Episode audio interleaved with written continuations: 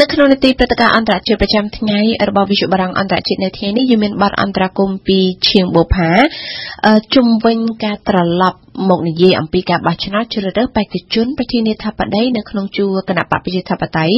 បន្ទាប់ពីបេក្ខជនដែលធ្លាប់តែលេចធ្លោហើយនឹងបានសម្លេងគ្រប់គ្រងច្រើននៅក្នុងរដ្ឋគន្លឹះដូចជា Iowa គឺលោក Pete Buttigieg បានប្រកាសខ្លួនចេញពីសាយវានប្រកួតប្រជែងកាលពីថ្ងៃអាទិត្យម្សិលមិញដូច្នេះយើងជួបបទអន្តរាគមជាមួយនឹងជាងបូផាជំរាបសួរបូផាចាស់ជំរាបសួរសាភ័ណ្ឌបូផាធ្លាប់តែបានសម្លេងឆ្នោតគ្រប់គ្រងច្រើនប៉ុន្តែហេតុអ្វីបានជាលោកប្រកាសដកខ្លួននៅពេលនេះទៅវិញចា៎ ចាស់សុភ័ណ្ឌនៅថ្ងៃអាទិត្យម្សិលមិញនៅក្នុងសន្និសីទកាសែតនៅទីក្រុង South Bend ដែលលោកធ្លាប់ធ្វើជាចៅហ្វាយក្រុងបេក្ខជនមកពីរដ្ឋ Indiana គឺលោក Pete Buttigieg គឺបានប្រកាសដកខ្លួនចេញពីសីវៀនប្រកួតប្រជែងដើម្បីផលប្រយោជន៍រួមរបស់គណៈបកប្រជាធិបតេយ្យសម្រាប់លោក Pete Buttigieg សុភ័ណ្ឌដែលជាបេក្ខជនវ័យក្មេងជាងគេពីព្រោះលោកទើបតែមានអាយុ38ឆ្នាំនោះគឺថាលោកនឹងត្រូវប្រឈមនឹងការទទួលខុសត្រូវទៅលើផលវិបាកដ៏ធំមួយបើសិនជាលោកនៅតែបន្តប្រកួតប្រជែងជាមួយនឹងបេក្ខជនដទៃទៀត លោក Pete Buttigieg នេះសភ័ណ្ឌបានប្រកាសដកខ្លួននៅពេលនេះគឺបន្ទាប់ពីលោកបានទទួលសម្លេងគាំទ្រតិចជាងគេនៅក្នុងការបោះឆ្នោតផ្ទៃក្នុងរបស់គណៈបកប្រជាធិបតេយ្យនៅក្នុងរដ្ឋ South Carolina កាលពីថ្ងៃសៅរ៍ដោយដកខ្លួននៅពេលនេះសភ័ណ្ឌអតីតចៅហ្វាយក្រុង South Bend គឺបានអះអាងថាលោកនឹងនៅតែបន្តធ្វើការងារបង្រួបបង្រួមសម្លេងរបស់បកជាធ្លុងមួយគឺដើម្បីជួយឲ្យអនាគតបេក្ខជនរបស់គណៈបកប្រជាធិបតេយ្យនឹងអាចទទួលជ័យជំនះទៅលើលោក Donald Trump នៅក្នុងការបោះឆ្នោតប្រធានាធិបតីអាមេរិកនៅខែវិច្ឆិកាខាងមុខក៏សភ័ណ្ឌចាបើសិនជាលោកភៀនដែលជាបេក្ខជនធ្លាប់មានកោតប្រជាប្រិយភាពនឹងបានទទួលសម្លេងគាំទ្រច្រើននៅក្នុងរដ្ឋកន្លឹះដូចជា Iowa ដែលជារដ្ឋអាចកំណត់អនាគតបេក្ខជនប្រធានាធិបតីរបស់បកហេតុអ្វីបានជាលោកត្រឡប់មកទទួលសម្លេងតិចនៅក្នុងការបោះឆ្នោតនៅក្នុងរដ្ឋផ្សេងទៅវិញ ចាស់សុភ័ណ្ឌបន្ទាប់ពីបង្កើតឲ្យមានការភ្ញាក់ផ្អើលដោយបានទទួលសម្លេងគាំទ្រច្រើនជាងគេបំផុតនៅក្នុងការបោះឆ្នោតនៅរដ្ឋកន្លឹះដូចជា Iowa លោក Pete Buttigieg សុភ័ណ្ឌបានធ្វើឲ្យគេជឿថា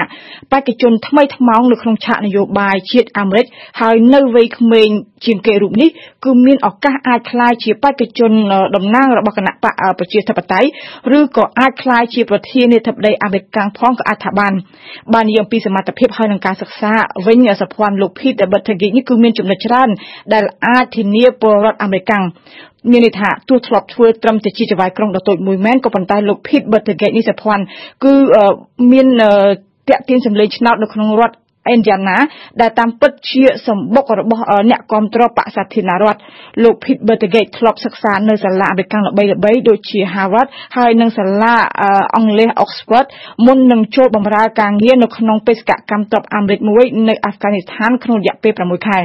លោក Pete Buttigieg នេះសភ័ណ្ឌធ្លាប់បានប្រកាសចិត្តទុកខ្លួនឯងផងដែរថាជាថ្នាំបន្សាបដើម្បីប្រឆាំងលោក Donald Trump ទៀតផងជាការពិតណាស់សភ័ណ្ឌលោក Pete Buttigieg បានបង្កើតនូវភាពភ្ញាក់ផ្អើលពីព្រោះថាលោកជាបេក្ខជនដែលគេមិនធ្លាប់ស្គាល់ពីមុនមកទេក៏ប៉ុន្តែបានទទួលសម្លេងគាំទ្រច្រើនជាងគេនៅក្នុងរដ្ឋគន្លឹះដូចជា Iowa សូមបញ្ជាក់ថានៅក្នុងប្រវត្តិបោះឆ្នោតអាមេរិកបេក្ខជនដែលបានទទួលសម្លេងគាំទ្រនាំមុខគេនៅក្នុងការបោះឆ្នោតរបស់គណៈបកនៅក្នុងរដ្ឋ Iowa គឺភាគច្រើនត្រូវបានតែងតាំងបន្តមកជាបេក្ខជនប្រធានាធិបតីផ្លូវការ ហើយនឹងអាចឈានទៅដល់ឈ្នះឆ្នោតក្លាយជាប្រធានាធិបតីតែម្ដងជាក់ស្ដែងដូចជាអតីតប្រធានាធិបតីអាមេរិកលោក Jimmy Carter លោក Bill Clinton ហើយនិងលោក Barack Obama ជាដើមក៏ប៉ុន្តែត្រឡប់មកមើលករណីរបស់លោក Pete Buttigieg វិញសភ័ណ្ឌអ្វីៗគឺខុសពីមុនលោក Pete Buttigieg បានទទួលសម្លេងគាំទ្រច្រើននៅក្នុងរដ្ឋ Iowa មែនក៏ប៉ុន្តែនៅក្នុងការបោះឆ្នោតនៅក្នុងរដ្ឋ3ជាបន្តបន្ទាប់ចុងក្រោយនេះគឺថាសម្លេងគាំទ្ររបស់លោកបានធ្លាក់ចុះគឺធ្វើឲ្យលោកស្ថិតនៅចំណាត់ថ្នាក់លេខ3ហើយនិងលេខ4គឺការសម្រេចចិត្តដកខ្លួនរបស់លោក Pete Buttigieg នៅពេលនេះសហព័ន្ធធ្វើឡើងគឺបន្ទាប់ពីលោកបរាជ័យមិនអាចទទួលសម្លេងគ្រប់គ្រងច្រើនបើប្រៀបធៀបទៅនឹងបេក្ខជនពីរូបផ្សេងទៀតគឺលោក Bernie Sanders ហើយនិងលោក Joe Biden នៅក្នុងការបោះឆ្នោតនៅរដ្ឋ Nevada ហើយនិងការបោះឆ្នោតចុងក្រោយមួយទៀតកាលពីថ្ងៃសៅរ៍នៅរដ្ឋ South Carolina ការបោះឆ្នោតនៅក្នុងរដ្ឋពីរចុងក្រោយនេះសំខាន់ណាស់សហព័ន្ធសម្រាប់លោក Pete Buttigieg ពីព្រោះថាបើសិនជាលោកឈ្នះនៅក្នុងរដ្ឋទាំងពីរនោះនោះមានន័យថាលោក Buttigieg ដែលជាបេក្ខជនធ្លាប់តែតាក់ទាញម្ចាស់ឆ្នោតស្បែកសគឺអាចមានសមត្ថភាពទៅតាក់ទាញម្ចាស់ឆ្នោតដែលជាប្រជាជនអាមេរិកស្បែកខ្មៅ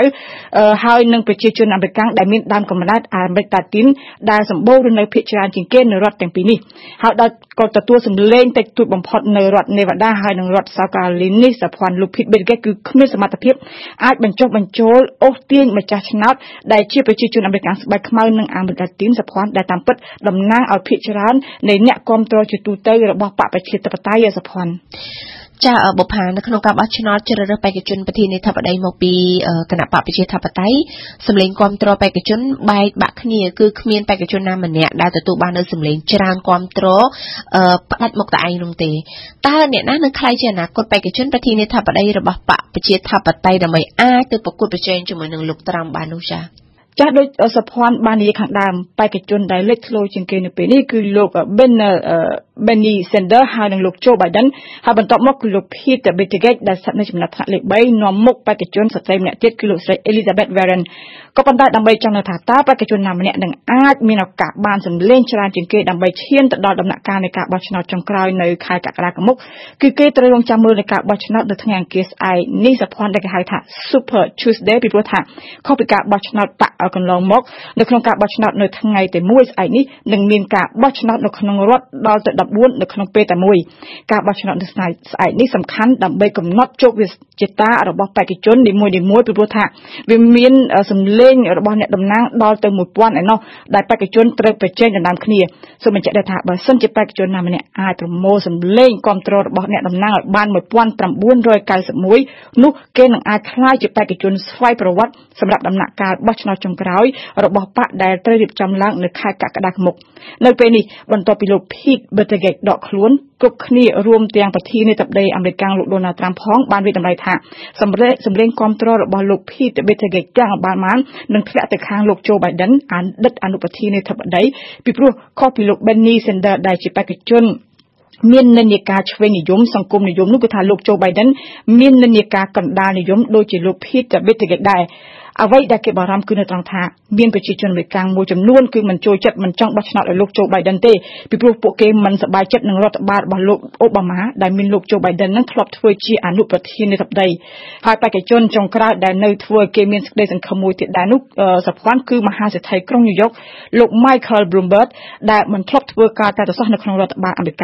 ក៏ប៉ុន្តែមានប្រជាប្រិយភាពហើយបានចំណាយប្រាក់រាប់ពាន់លានដុល្លារដើម្បីឈរឈ្មោះជាបេក្ខជនបកប្រជាធិបតេយ្យលោក Michael Bloomberg នេះសភ័ណ្ឌគឺនឹងចូលរួមផងដែរនៅក្នុងការបោះឆ្នោត Super Tuesday នៅថ្ងៃស្អែកនេះសភ័ណ្ឌអរគុណបុប្ផាចំពោះបទអន្តរាគមន៍នៅថ្ងៃនេះ